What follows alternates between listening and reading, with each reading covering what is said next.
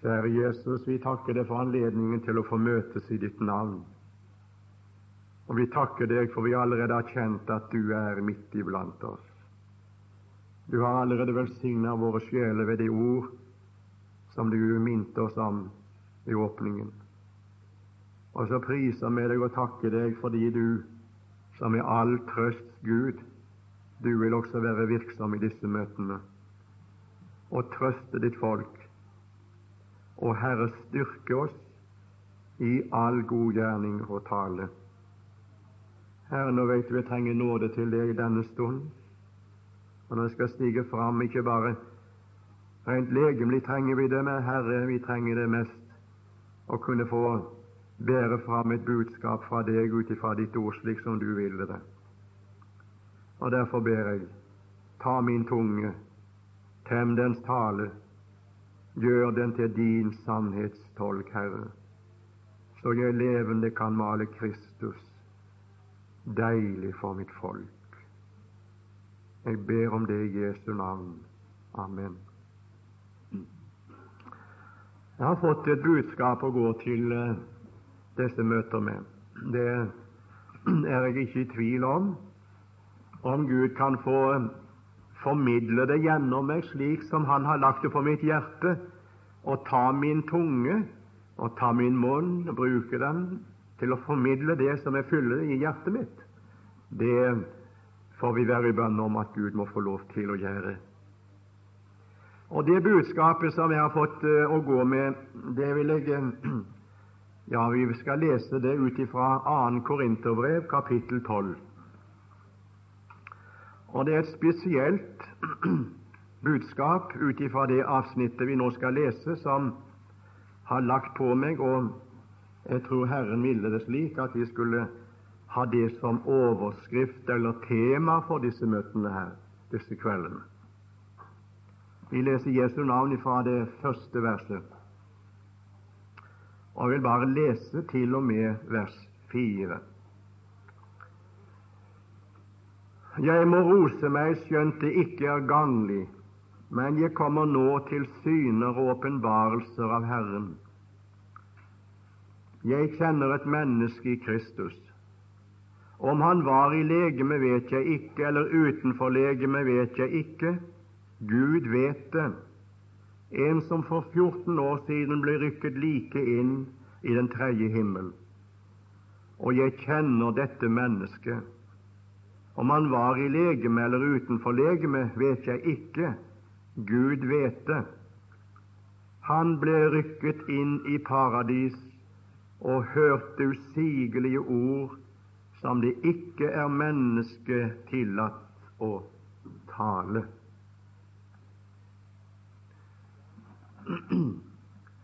Jeg kjenner et menneske i Kristus.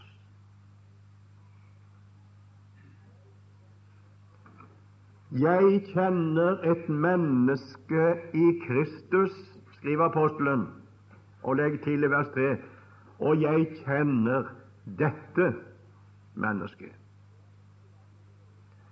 Og Dermed har vi allerede sagt og uh, avortert det emnet eller det som vi ved Guds nåde skulle prøve å tale litt om under disse møter, nemlig mennesket i Kristus. Jeg kjenner dette mennesket, skriver apostelen. Og vi legger vel merke til det med en eneste gang at når han sier det 'jeg kjenner dette mennesket', så er det ikke andre mennesker enn seg sjøl han taler om. For han taler nemlig her om at dette mennesket i Kristus det har hatt syner og åpenbarelser i Herren, og at han for 14 år siden ble ryktet inn i paradis og hørte usigelige ting og ord som ikke er tillatt mennesker å tale.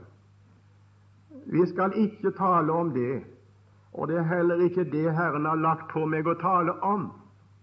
Men uh, det vitnesbyrd, det er Paulus' vitnesbyrde, det skal vi tale med en annen om. Mennesket i Kristus. Og så vil jeg gjerne kunne få si det slik her ved åpningen av dette møtet og disse samvær her, at vi også kunne, som er samla her og skal være sammen disse kveldene, kunne få si det om oss. Og kunne få avlegge det vitnesbyrd kanskje mer sterkt og mer overbevisende enn før når det gjelder oss. Det er mange selvvitnesbyrd i Skriften. Jeg synes det er veldig fint når jeg møter disse selvvitnesbyrdene. Jeg tenker f.eks. på en mann som Johannes, apostelen Johannes. Når han, han vitner om seg sjøl i sitt forhold til Jesus, så sier han flere ganger den disippelen som Jesus elsket. Du, for et fint vitnesbyrd! Elska ikke Jesus Peter og Jakob og Matteus og, og alle de andre? Elska han ikke de også? Johannes han lever så nær Jesus, skjønner du, at han, at han synes hele kjærligheten til Jesus ble utøst over ham. Han var den eneste, synes han, som, som faktisk talt var elsket av Jesus. Altså, Slik kjenner han det, enda Jesus elsker alle de andre. Og når han skriver om seg sjøl, både i Johannes evangeliet, eh, i sitt evangelium, og vi kan også legge merke til det i hans brever, indirekte, om ikke akkurat direkte han sier det der, så er det den disippelen som Jesus elsket. Når Paulus skal avlegge sitt uh, vitnesbyrd her i kapittel 12 i 2. Korinterbrev om seg sjøl, så sier han jeg er et menneske i Kristus, og jeg kjenner det mennesket. Ja, legger han til, jeg kjenner dette, dette mennesket. Og Nå vil jeg gjerne spørre deg som er kommet hit til møte i kveld, kjenner du dette mennesket? Hvordan skal vi få kjenne til det, da, og kjennskap til det? Mennesket i Kristus. Ja, Da må vi inn i Skriften, venner. Og det er bare ut ifra Skriften og gjennom Skriften og ved Skriften, ved Den hellige ånd i Skriften, at de kan lære mennesket til Kristus å kjenne. Og Da er det vidunderlig når vi får lov ved Åndens lys å se det at dette også er min stilling. Det er meg. Det er jeg som er mennesket til Kristus. Om jeg ikke har disse åpenbarelser, for det har vi ikke noen av oss, og skal heller ikke stanse ved det. Jeg vil gjerne få lov å si det i en parentes i dag at det ser ut for meg iallfall slik Jeg har sagt det mange ganger offentlig. Jeg kan godt si det her i Åkrehavn også. Jeg er veldig redd for at mange mennesker og mange kristne i dag er mye mer opptatt med, med gavene enn giveren. Og du forstår sikkert hva jeg mener. Altså bli opptatt med alt det andre som hører med, i stedet for å opptatt, være opptatt med selve personen som gir alt dette her.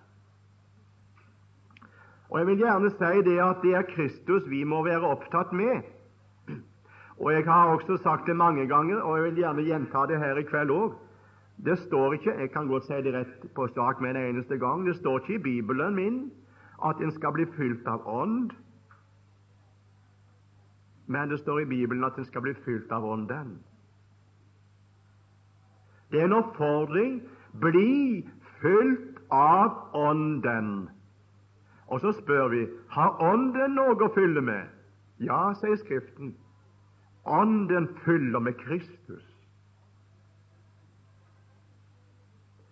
Han tar av mitt, sier Jesus i Johannes 16, og forkynner dere. Han går inn i Guds ord, han tar av mitt, og da er jeg ikke i tvil om at det er det som Jesus har sagt han mener her. Når Jesus taler her, så sier han han tar av mitt. Da har han allerede snakk sagt det, at det er det som jeg har forkynt dere, han skal minne dere om. Mine ord som han for, Kristus forkynte, skal Den hellige ånd minne om. Han skal ta av mitt og forkynne dere. Han skal han skal si det på en måte slik som jeg har sagt det, men han skal gjøre det slik at det som Jesus har sagt, blir levendegjort for sjelen ved Den hellige ånd. Der er et bilde eh, som Skriften bruker om seg sjøl, som jeg er veldig glad i, og som jeg synes er så midt i blinken.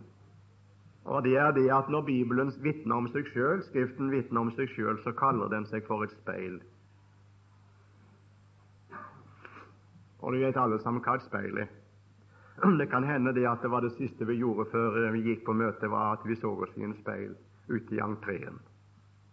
Om slipset sto på plass, og mye mannfolk, da.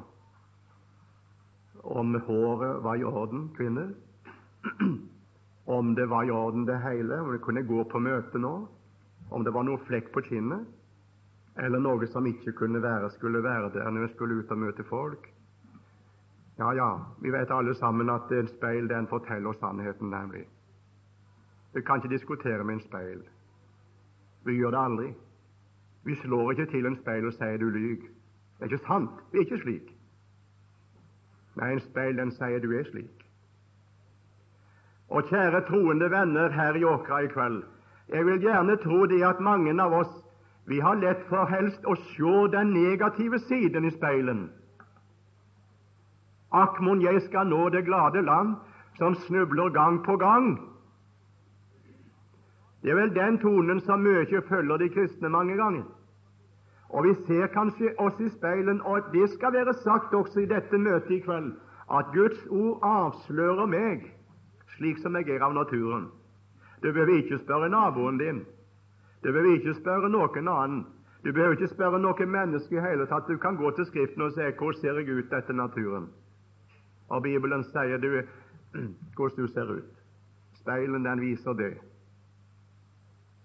Men eh, la meg her få lov å nevne også ved Jakob han sier det i sitt brev, at den samme ordet øre ikke dets gjøre, han er lik en mann som ser sitt åsyn i en speil og går bort og glemmer hvordan han ser ut.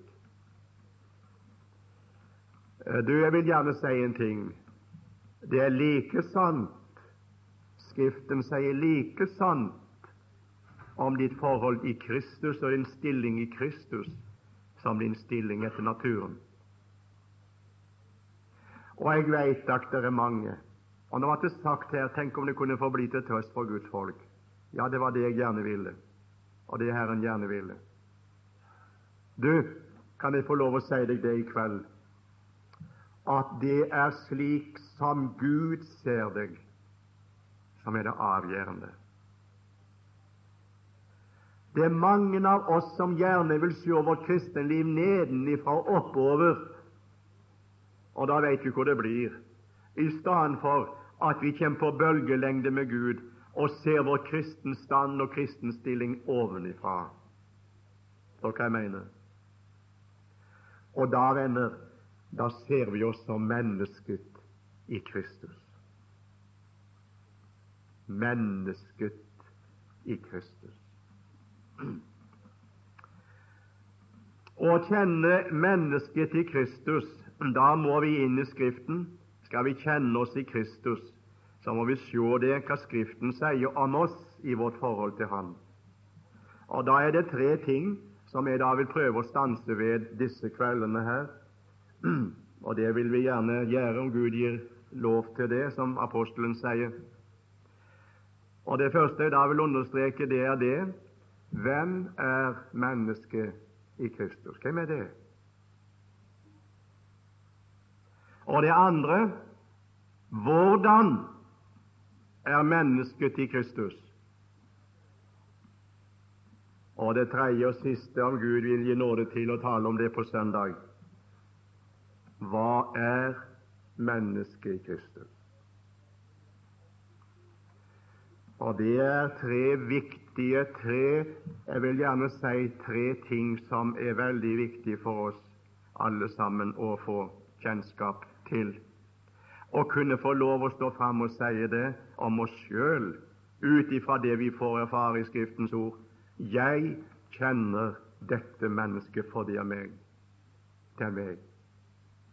Det er ikke bare alle de andre, men det er meg. Når vi snakker om å kjenne et menneske, så er det jo mange måter vi kjenner mennesket på. Eh, for det første så kan vi jo kjenne et menneske bare ved navn. Ja, kjenne et menneske bare ved navn. Vi behøver ikke ha noe mer kjennskap til det enn bare navnet.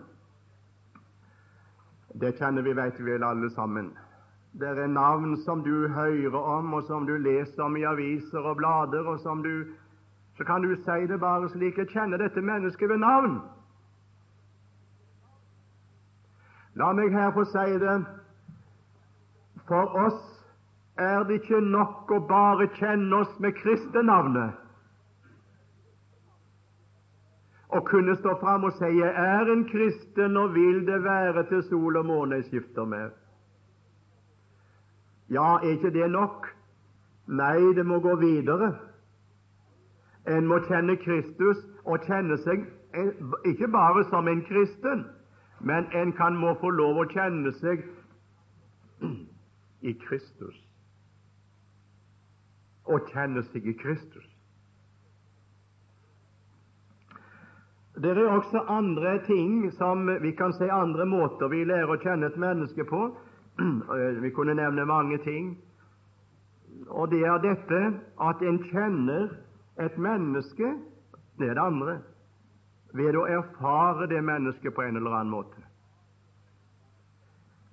Du kan ha forretningsforbindelse med et menneske, du kan uh, snakke med et menneske, du kan uh, være sammen med et menneske, og du sier det at 'jeg kjenner det mennesket', fordi jeg har forbindelse med det på en eller annen måte. La meg få overføre det også på det åndelige.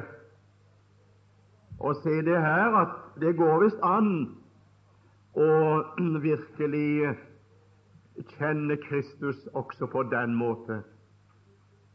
Og jeg vet om religiøse mennesker. Ja, religiøse mennesker som, som faktisk talt synes å ha en eller annen slags opplevelse, de også, uten at det er liv. Og vi må vel si det her at uh, om ikke vi har noen annen erfaring, og kan vi få lov å si det slik og bruke bildet, så er nå det dette der, da at det finnes ikke et eneste menneske, enten den banner eller det ber, enten det lever med Gud eller ikke, som kan eksistere uten Kristus. Det er blitt mer og mer stort for meg. For en veldig betydning at Kristus stiger inn i vår verden, for verden generelt. Tenk bare på det som Paulus skriver i Kolossenserbrevets første kapittel. Det skulle verden vite når det heter I Han er alle ting skapt, både det som er i himlene og det som er på jorden, det synlige og det usynlige, enten det er makter eller myndigheter eller herredømmer eller velde. Alt er det skapt av Han og ved Han og til Han. Han er før alle ting, og alle ting står ved lag ved Han. Kjære forsamling, tenk om Jesus hadde trukket seg et lite brøkdel av et sekund vekk fra det hele og det var styrta sammen alt i hop. Kan jeg få lov å si det her? Verden styres av den naglemørke hånd. Verden holdes oppe av personen med de naglemerkte hender. Alle ting står ved lag ved Han. Sånn en makt har Jesus, og det skal verden måtte takke for. Og Paulus sier det i talen sin i apostelgjerningene til visdomslæreren i Aropagus i Aten. Så sier han er Han vi lever og rører oss og er til. Men det tredje måten du lærer å kjenne et menneske på, det er det som gjelder når det gjelder Kristus. Det er dette at du har samfunn med mennesket. Du er forena med det mennesket. Du er blitt sameina med det mennesket, som det heter på nynorsk. Du er ett med det mennesket, Og det mennesket kjenner du mer enn bare av navnet, og mer enn bare av en eller annen ytre erfaring. Du kjenner det i deres innerste vesen. Og slik, venner, kjenner vi Kristus. Jeg kjenner det mennesket, mennesket i Kristus. Det er vel ingen tvil om at apostelen kjenner seg sjøl. Det har han sagt mange plasser i Bibelen. Og han legger klart for dagen, apostelen Paulus, hva han er etter kjødet. Men her skal vi tale med en annen om mennesket slik som han kjenner seg i Kristus ut ifra Bibelen. Og det er det, venn, som er det herlige å kunne få lov å tale om. I Kristus, uttrykket i Kristus, det har jo en veldig klang i Det nye testamentet. Og Jeg vil gjerne si det her i, som åpning i kveld, at i Det nye testamentet finner vi ikke mindre enn 196 ganger uttrykket 'i Kristus Jesus'. Og av disse 196 ganger i Det nye testamentet er det 164 ganger er det sagt av Paulus i Kristus. Og jeg vil gjerne si det når jeg leser gjennom Det nye testamentet og gjennom Paulus sine brev og gjennom det som står der, og møter det stadig igjen og igjen. Dette i Kristus Jesus, så kan vi vel si det uten å gjøre vold på Skriften, nemlig at det er standarduttrykket for en kristen. Det en kristen er, det er han i en annen person.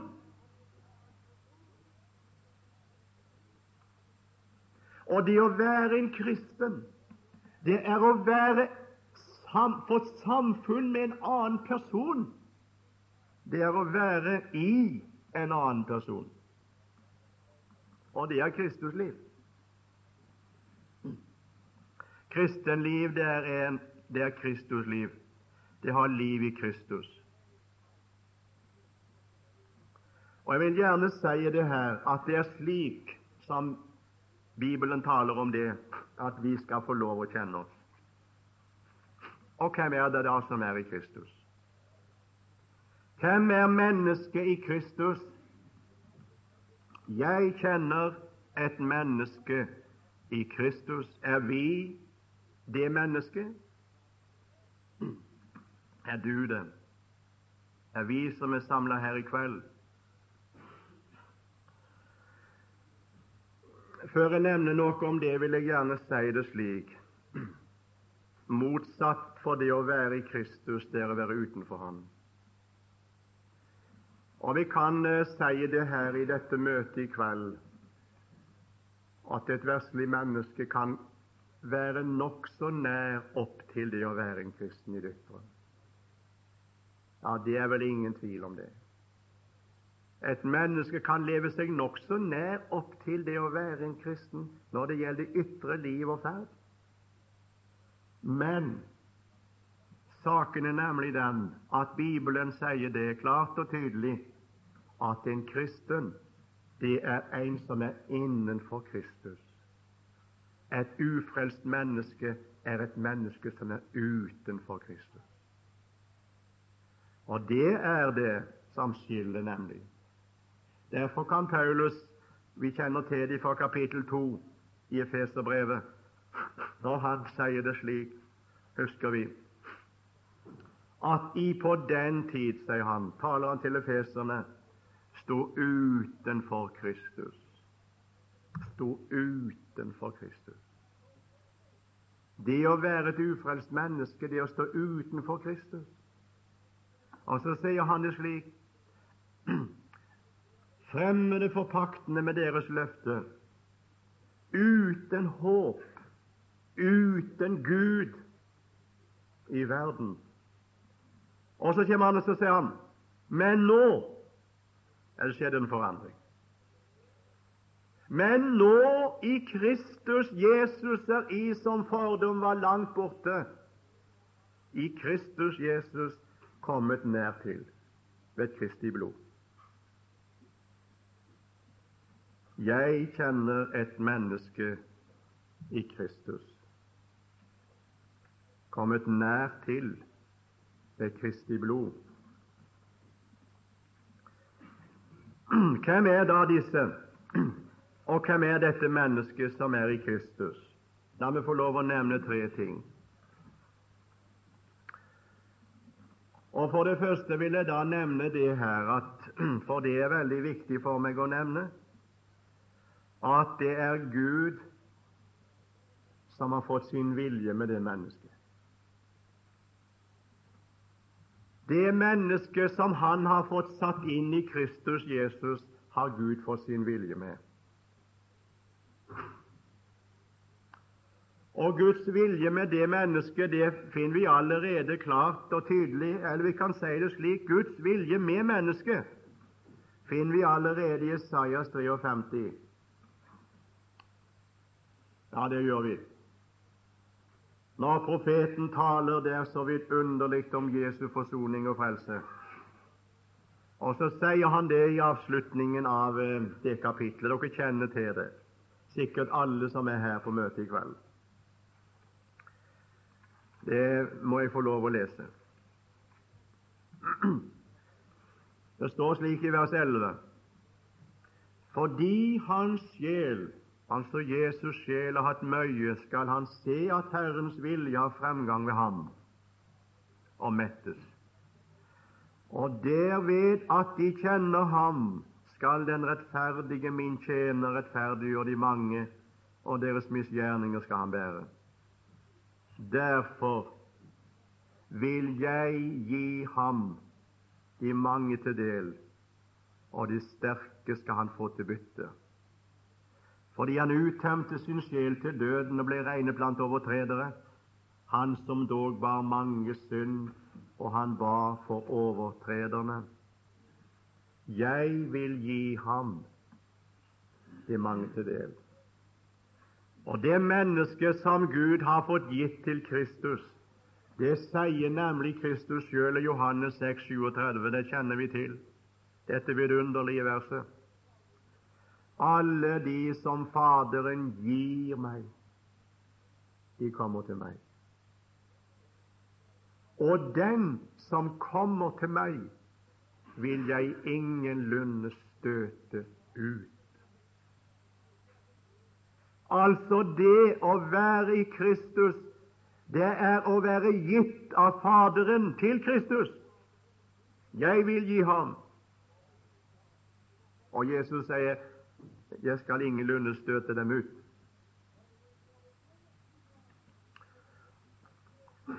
I 1. Korinterbrev kapittel 1 og vers 30 kjenner vi kjenner til det verset der. Der lyder det slik men av ham, av Gud. Eller som det står på nynorsk oversettelse, kan hende det er like fint. Det er Hans verk, eller Hans verk er det at det er i Kristus Jesus. Det er Gud som har gjort det. Og fra menneskets side så er det det eneste i den forbindelse som må til, og dette må vi understreke også her i kveld. Det eneste som må til fra mennesket når det gjelder dette å bli gitt til Gud, gitt av Gud til Kristus, eller som det står, alle som Faderen gir meg, det er å la Gud få sin vilje med en. Det er å overgi seg, oppgi sin motstand imot Guds ånd.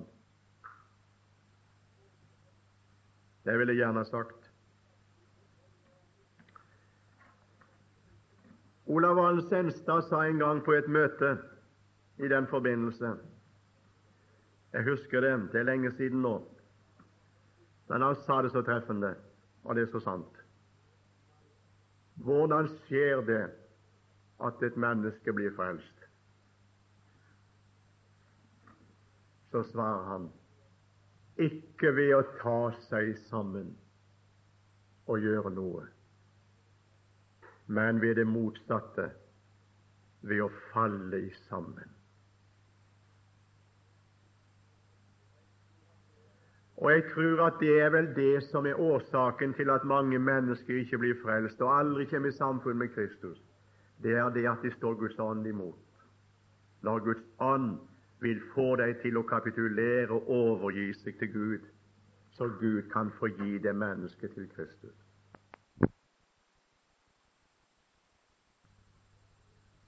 Og Det er det, venner, vi må be også om. Det var sagt til åpning her i kveld. Det var sagt, det. Og jeg vil gjerne være med på det. Tenk om det var et menneske under disse møter Jeg vil si det på min måte som Gud kunne få ta og gi til Jesus. Få sette inn i Kristus, slik at det mennesket fra nå av ble et menneske i Kristus. Et nytt menneske. Det er det som må til. Det må være i bønner.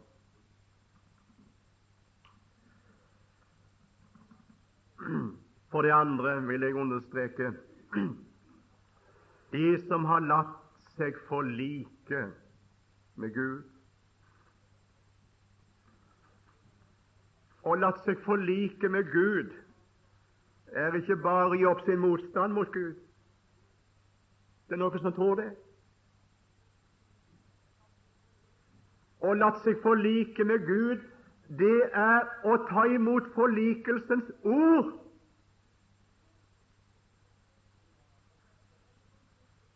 Det var ikke for ingenting at Hallesby sin tid spurte det spørsmål når han talte. Ofte gjorde han det. Jeg hørte han flere ganger. Og Han sa det nemlig slik Ble du frelst den gangen du ble omvendt og vakt? Eller vakt og omvendt? For saken er nemlig den å bli vakt og omvendt. Bli vakt i sin åndelige tilstand og vende seg ifra verden og til Gud. Det er å bli omvendt. Men saken er nemlig den ble du frelst den gangen da du ble vakt og omvendt? Og Jeg vil gjerne si det her i dag. Det går visst an å kapitulere og si 'Herre, ta meg som jeg er', og en kan si det så lenge, men det hjelper ikke hvis en ikke tar imot evangeliet, som da tilbydes oss, nettopp fordi at vi nå har overgitt oss. Jeg sa det til elevene i dag på bibelskolen. Jeg må si det, for det er veldig for meg, dette her. Vi hører det igjen. Vi hører det stadig i kristne vitnesbyrd. Og det er veldig alvorlig, venner, for det bare viser om hvor lite åndelig vokst det er i kristen menighet mange plasser. Og hva er dette? Jo, du har inntrykk av at de må omvende seg og komme hver eneste dag til Gud.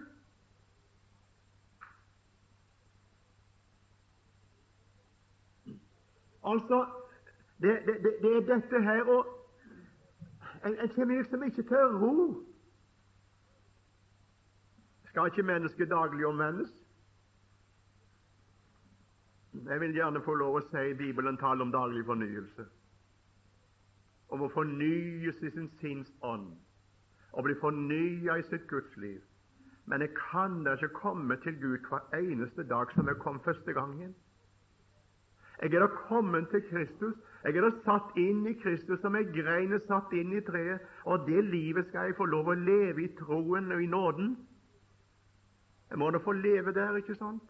Jeg kan ikke ta den der greina og så legge den av og så sette den inn hver eneste dag. Det blir ikke noe liv av det. Nei, det er mennesket som er satt inn i Kristus, står i Kristus, får lov å være det. Men du vet hva som er årsaken. Det er nemlig det at vi som kristne mange ganger blander sammen stilling og tilstand. Blander i hop. Og så føler vi ikke at vi er frelst i dag. Og så tror vi heller ikke at vi er frelst. Fordi vi føler ikke vi er frelst. For, og tilstanden min den er slik at jeg kan ikke være frelst i dag. Men saken er nemlig, venner, har jeg tatt imot forlikelsens ord, evangeliet, og tatt imot det, så er jeg satt inn i Kristus. Det sier Bibelen. Nå skal jeg sitere det. I 2. Korinterbrev 5, der heter det slik Jeg vil lese det avsnittet. Jeg vil ta det med, og det er for meg veldig viktig. For Kristi kjærlighet tvinger oss, i det vi har oppgjort dette med oss selv, at en er død for alle. Derfor er de alle døde, og han døde for alle, for at de som lever, ikke lenger skal leve for seg selv, men for Han som er død oppstanden for dem. Og så heter det Derfor kjenner vi fra nå av ikke noen etter kjødet. Har vi òg kjent Kristus etter kjødet, så kjenner vi Han nå ikke lenger således. Og så kommer det som er selve poenget her. Derfor Dersom noen er i Kristus, da er han en ny skapning. Jeg skal komme inn på det senere en dag.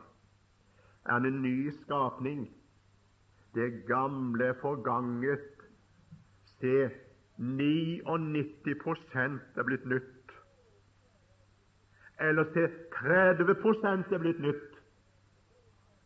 Nei, det står alt og apostelen han legger til, og så sier han Se! Alt er blitt nytt. Å se, det betyr ikke å se med øynene, men det betyr vær oppmerksom. Observer betyr det. Se hva det står her. Vær oppmerksom på. Og Det vil jeg gjerne ha sagt i denne forbindelse. Når du, står, når du finner det ordet i Bibelen, se, Se hvor stor kjærlighet Faderen har vist oss at vi skal kalles Guds barn. Så betyr det jo ikke at du skal se det med øynene, men det betyr vær oppmerksom på den kjærlighet. Så stor den er at Gud har kalt, sagt vi skal kalles Guds barn. Se, alt er blitt nytt, men alt dette er av Gud, som forlikte oss med seg selv ved Kristus og gav oss forlikelsens tjeneste. Fordi Gud i Kristus forlikte verden med seg selv, så han ikke tilregner dem deres overtredelse og har nedlagt ordet om forlikelsen i oss. Så er vi da sendebud i Kristi sted, som om Gud selv formante ved oss. Vi ber i Kristi sted leder forliket med Gud. Det mennesket som er, er mennesket i Kristus Jesus, har ikke bare forlikt seg med Gud, men tatt imot forlikelsens ord. Har ikke bare kapitulert og sagt 'Herre, frels meg, ta meg som jeg er', men han har tatt imot evangeliet om forlikelsen. Ordet om forlikelsen. Han er, han er, han er blitt kommet på bølgelengde med Gud. Han er blitt enig med Gud at Kristi død og blod skal gjelde. Han er blitt enig med Gud, og kjære forsamling, er du blitt enig med Gud? Nemlig at det er bare en eneste ting som gjelder for Gud til frelse og salighet, og det er Kristi stedfortredende død og gjerning. Det han er. Derfor skriver apostelen i Romerbrevet kapittel 6 så la oss akte oss derfor akte oss som døde for synden, men levende for Gud i Kristus Jesus. Det er stillingen. Og så er jeg så takknemlig for jeg skal slippe å blande sammen stilling og tilstand. Det var lenge jeg gjorde det. Jeg, må gjerne si det, skal være helt personlig. Jeg blanda sammen. Inntil jeg fikk dårlig fordøyelse. Det var nokså lenge, lenge siden jeg fikk det. Og da vet du det at når jeg fikk dårlig fordøyelse, så, så hadde jeg eh, vanskeligheter med følelseslivet. Og det var en som sa det, det er vanskelig å leve godt med Vår Herre med en dårlig mage. Men han sa ikke det, det er umulig. Så fikk jeg sannelig måtte lære det, og har lært det mye senere, nemlig dette her at om jeg ikke føler alltid og kjenner alltid Det er godt å få ha følelser og gode kjensler og kjenne det at nå er jeg frelst, og får glede meg i evangeliet, men så får jeg vite det likevel solen den skinner bakom skyene. Og jeg får lov å, regne med, som han sa, det gamle nasengjøten. Ja, nå er han hjemme hos Gud. Lekpreikeren opp med Bergen, han satt i tunnelen, eller satt i, i, i, i toget og kjørte gjennom tunnelen. Så priste han Gud der inne i vogna. Så folket de så på han, for det var så mørkt i, i kupeen. Konduktøren hadde ikke slått på lyset. Og så satt gamle Lars og priste Gud, og, og, så sa han jeg må takke Gud fordi at billetten den, den har jeg, og den gjelder i tunnelen òg. Den gjelder i tunnelen òg, om det er mørkt. Billetten har jeg. Forlikt. Det mennesket som er menneske til Kristus Jesus, er et forlikt menneske. Det har, blitt forlikt med Gud fordi Gud har forlikt oss med seg i Kristus Jesus. Og Nå vil jeg sitere enda et bibelord her til slutt, nemlig det som står i Feserbrevet kapittel 2. Jeg kommer inn på det kanskje her i morgen kveld. Der står det slik i, i vers 8 Vi kjenner det. For av nåde er frelst ved tro, og det ikke ved oss selv, det er Guds gave, ikke av gjerninger, for at ikke noen skal rose seg. For vi er Hans verk, skapt i Kristus Jesus til gode gjerninger, som Gud forut har lagt ferdig at vi skulle vandre i dem. Jeg har vel alltid, når de fleste ganger jeg har hørt det vært tale om det verset, har det vært tale om de gjerninger vi skal gjøre. Men her tales det om gjerninger som Gud har lagt ferdige som vi skal vandre i. Det er vandringen, venner, i Kristus det tales om her. Det er å innta plassen i Kristus. Og Du kan sjøl lese kapittelet forut, eller forut for det verset, nemlig der det står hva Gud har gjort. Han har gjort oss levende med Kristus. Enda vi var døde overtredelse, det har Han gjort. Det må vi vandre inn i ved tro. Han har oppvakt oss med Han, det har Han gjort. Han har satt oss med Han i himmelen. Det har Han gjort. Og så sier apostelen dette er av nåde, ikke av gjerninger. Det er klart det må være av nåde. Vi har ikke vært med på det. Ikke gjerninger. At ikke noen skal rose seg. Og så konklusjonen av det hele, sier han, for i Kristus Jesus er vi skapt til dette, til gode gjerninger som Gud forut har lagt ferdige at vi skal vandre inn i gå inn i, sette vår fot inn i, leve inn i. Og det er det Kristus har gjort, og det er det Gud har gjort for oss i Ham. Og nei og nei, for en vidunderlig frelse. Og så vil jeg nevne det siste her før jeg slutter av. Når det er også viktig for meg å understreke nemlig at de mennesker som er i Kristus, eller mennesket i Kristus Jesus, er et menneske som Gud sjøl har født ved sitt ord og ved sin ånd. Ja, og om vi kunne få lov til å, å peke på det her i kveld eh, det det er vel slik at hvis det hadde gått opp for oss hvor stort det var, så ville det vel bli mye mer glede enn det er hos oss som kristne. Men tenk, kjære venner, at vi som hører Kristus til, er like, like stillet med Jesus innenfor Gud. Han er født av Faderen for evighet. Og de som har tatt imot Kristus, er født ikke av blod, ikke av kjøtts vilje, ikke av manns vilje, men født av Gud. Og nei, hvor en vidunderlig sannhet å vite at jeg er likestilt med Kristus i mitt forhold til Gud. Han har sagt 'min Fader, eders Fader'. Han har sagt 'min Gud og eders Gud'. Og seg større fryd mellom tenke later enn også jeg fikk sådant bud. Men alle dem som tok imot ham, dem gav han rett til å bli Guds barn, den som tror på hans navn. Det satt en mann hos Jesus en nattetime. Vi kjenner til det fra Johannes 3. Denne mannen, han, han var en lærd mann. Og det ser slik ut for at det er vanskelig mange ganger for lærde mennesker å bli enfoldige i tro. Det er liksom vet det vil stå i veien. det ser ut for det at det som har mindre av den slags, kan lettere forgripe det mange ganger. Den lærde mannen, han satt der med Jesus om natta. Han bankte først på døra, så kom Jesus ut, og så sa han, du, du Jesus, eller eh, vi vet at du er en lærer kommet fra Gud, ingen kan gjøre de tegn som du gjør uten at Gud er med han.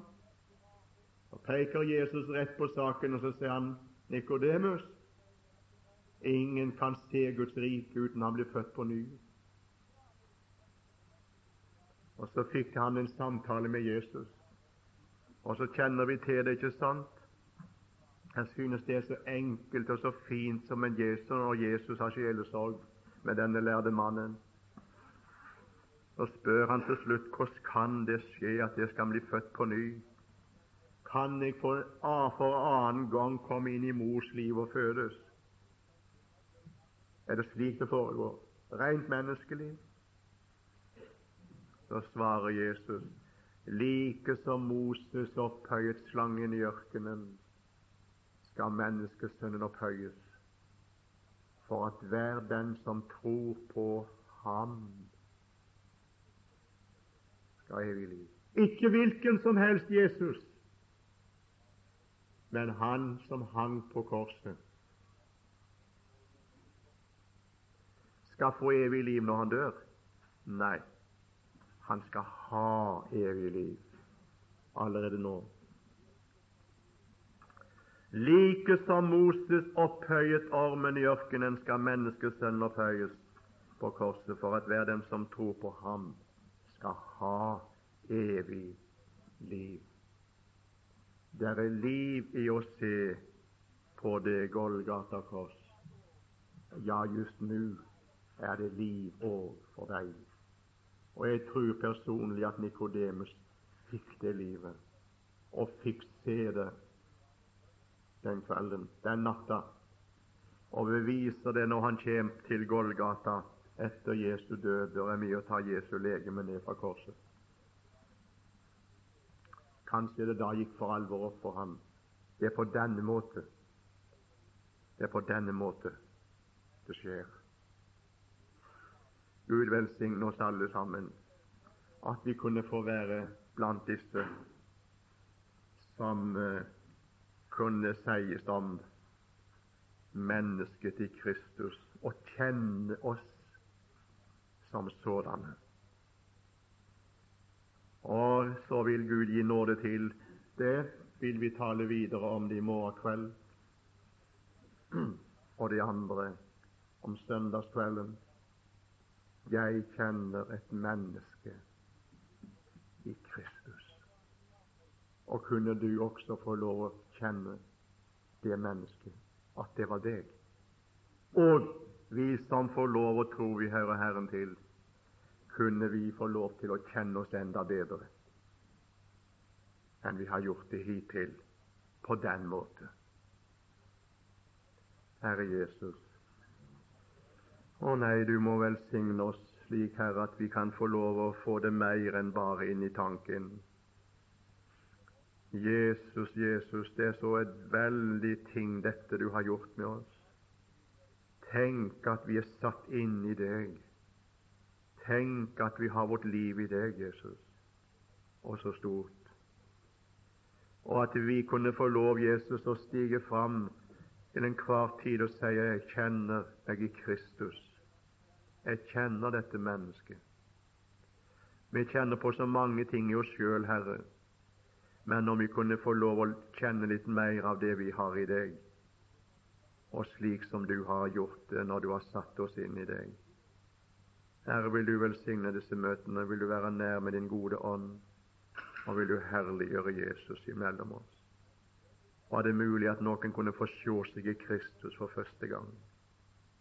og kunne få si jeg kjenner dette mennesket. Var det meg? Det er meg, dette. Herre, vi ber om det. Velsign oss, Gud.